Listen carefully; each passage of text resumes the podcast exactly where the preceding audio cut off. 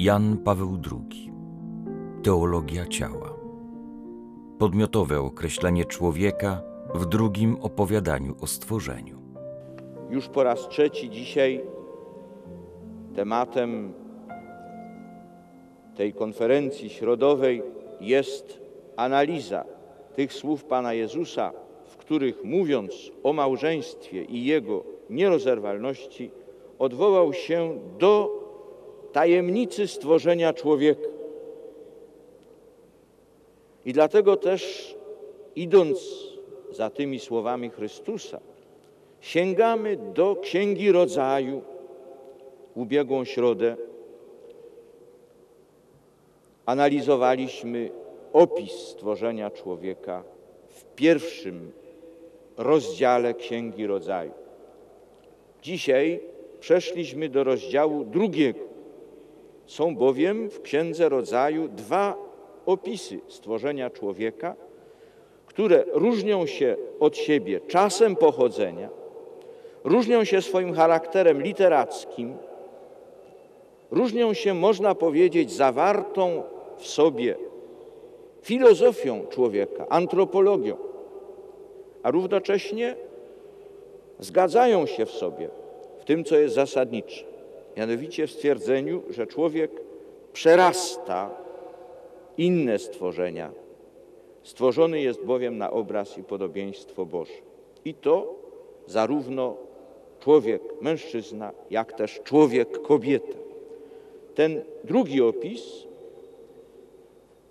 z Księgi Rodzaju, który stale posługuje się na określenie imienia Boga słowem, rzeczownikiem Jawe, ten drugi opis bardzo wyraźnie uwydatnia stworzenie mężczyzny i kobiety i właśnie na tym tle podkreśla charakter małżeństwa w tych słowach, które dobrze znamy. Człowiek opuszcza swojego ojca i matkę i łączy się swoją żoną i stają się dwoje jednym ciałem. To są pierwsze analizy na temat tak zasadniczy jak małżeństwo i rodziny. Widać, że trzeba, idąc za słowami Chrystusa, naprzód głęboko zgruntować antropologię biblijną, teologię ciała.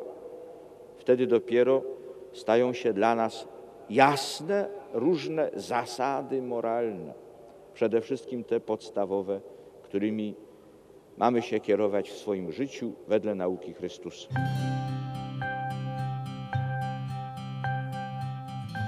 In riferimento alle parole di Cristo sul tema del matrimonio. Nawiązując do słów Chrystusa na temat małżeństwa, w których odwołuje się on do początku, zwróciliśmy naszą uwagę przed tygodniem na pierwsze opowiadanie o stworzeniu człowieka w Księdze Rodzaju. Dzisiaj przejdziemy do drugiego opowiadania, które często bywa określane jako jachwistyczne, ze względu na wyraz Jahwe stosowany w nim na określenie Boga. Drugie opowiadanie o stworzeniu człowieka posiada ze swej natury odmienny charakter. Nie chcąc jednak uprzedzać szczegółów tego opowiadania, ponieważ wypadnie nam nawiązać do nich w dalszych analizach, musimy stwierdzić, że cały tekst w sformułowaniu prawdy o człowieku zdumiewa nas swoją znamienną głębią, odmienną od tej, jaką znajdujemy w pierwszym rozdziale Księgi Rodzaju. Można powiedzieć, że jest to głębia natury przede wszystkim podmiotowej i stąd w pewnym sensie psychologicznej. Rozdział drugi Księgi Rodzaju stanowi w jakiś sposób najdawniejszy opis i zarejestrowanie samorozumienia człowieka i razem z rozdziałem trzecim jest pierwszym świadectwem o świadomości ludzkiej. Przy pomocy pogłębionej refleksji nad tym tekstem, poprzez całą archaiczną formę opowiadania, ukazującą swój pierwotny charakter mityczny, znajdujemy tam in nucleo prawie wszystkie elementy analizy człowieka, na które uwrażliwiona jest nowoczesna, a nade wszystko współczesna antropologia filozoficzna. Można by powiedzieć, że w rozdziale drugim Księgi Rodzaju przedstawione jest stworzenie człowieka szczególnie w aspekcie jego podmiotowości. Zestawiając razem obydwa opowiadania, dochodzimy do przekonania, że ta podmiotowość odpowiada obiektywnej rzeczywistości człowieka stworzonego na obraz Boży. I także ten fakt jest w inny sposób ważny dla teologii ciała, jak zobaczymy to w dalszych analizach. È significativo che il Cristo, nella sua risposta Jest rzeczą znamienną, że Chrystus w swojej odpowiedzi danej faryzeuszom, w której odwołuje się do początku, wskazuje przede wszystkim na stworzenie człowieka w odniesieniu do Księgi Rodzaju, rozdział pierwszy, werset 27. Stwórca od początku stworzył ich jako mężczyznę i kobietę. Tylko w dalszych słowach przytacza tekst z Księgi Rodzaju, rozdział drugi, werset 24. Słowa, które bezpośrednio opisują jedność i nierozerwalność małżeństwa, znajdują się w bezpośrednim kontekście drugiego opowiadania o stworzeniu, którego charakterystycznym rysem jest oddzielne stworzenie kobiety, podczas gdy opowiadanie o stworzeniu pierwszego człowieka znajduje się w Księdze Rodzaju, rozdział drugi, wersety od piątego do siódmego. Tę pierwszą istotę ludzką Biblia nazywa człowiekiem, natomiast od chwili stworzenia pierwszej kobiety zaczyna go nazywać mężczyzną. Znamienne jest także to, że odwołując się do Księgi Rodzaju, rozdział drugi, werset 24, Chrystus nie tylko łączy początek z tajemnicą stworzenia, lecz także prowadzi nas, że tak powiem, do granicy pierwotnej niewinności człowieka i grzechu pierworodnego. Drugi opis stworzenia człowieka został utrwalony w Księdze Rodzaju właśnie w takim kontekście. Czytamy tam przede wszystkim, po czym Jahwe Bóg z żebra, które wyjął z mężczyzny, zbudował niewiastę. A gdy ją przyprowadził do mężczyzny, mężczyzna powiedział: Ta dopiero jest kością z moich kości i ciałem z mego ciała. Ta będzie zwała się niewiastą, bo ta z mężczyzny została wzięta. Dlatego to mężczyzna opuszcza ojca swego i matkę swoją i łączy się ze swą żoną tak ściśle, że stają się jednym ciałem. Chociaż mężczyzna i jego żona byli nadzy, nie odczuwali wobec siebie wstydu. In seguito, immediatamente dopo questi versetti, Następnie, bezpośrednio po tych wersetach, rozpoczyna się trzeci rozdział Księgi Rodzaju, opowiadanie o pierwszym upadku mężczyzny i kobiety, związanym z tajemniczym drzewem, które już poprzednio zostało nazwane drzewem poznania dobra i zła. Wraz z tym wyłania się całkowicie nowa sytuacja, istotnie odmienna od poprzedniej. Drzewo poznania dobra i zła jest linią demarkacyjną między dwiema pierwotnymi sytuacjami, o których mówi Księga Rodzaju. Pierwsza to sytuacja pierwotnej niewinności, w której człowiek znajduje się niejako poza poznaniem dobra i zła, dopóki nie przekroczył zakazu Stwórcy i nie spożył owocu z drzewa poznania.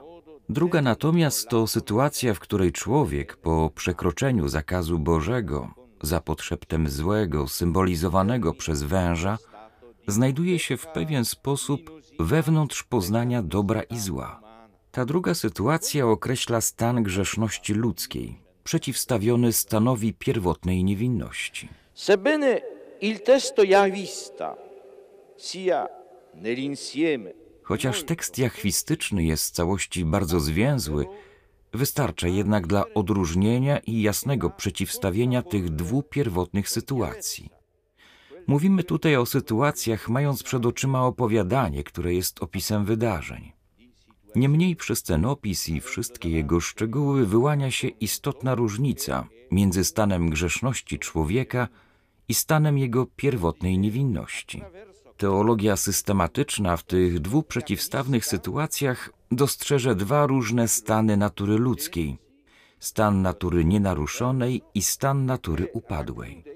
To wszystko wyłania się z tego tekstu jachwistycznego, z Księgi Rodzaju, rozdziały drugi i trzeci, który zawiera w sobie najdawniejsze słowa objawienia i oczywiście posiada podstawowe znaczenie dla teologii człowieka i dla teologii ciała. Quando Cristo, riferendosi al principio Kiedy Chrystus odwołując się do początku, skierowuje swoich rozmówców do słów zapisanych w Księdze Rodzaju, rozdział 2, werset 24, każe im w pewnym sensie przekroczyć granicę, która w tekście jachwistycznym Księgi Rodzaju przebiega między pierwszą i drugą sytuacją człowieka.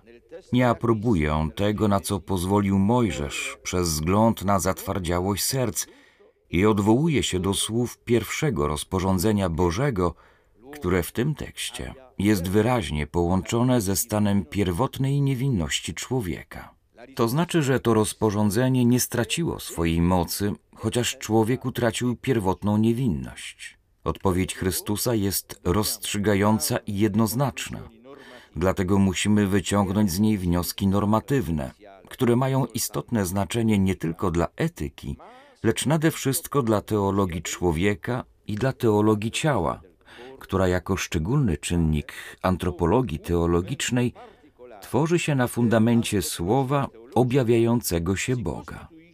Będziemy się starali wyciągnąć te wnioski w czasie najbliższego spotkania.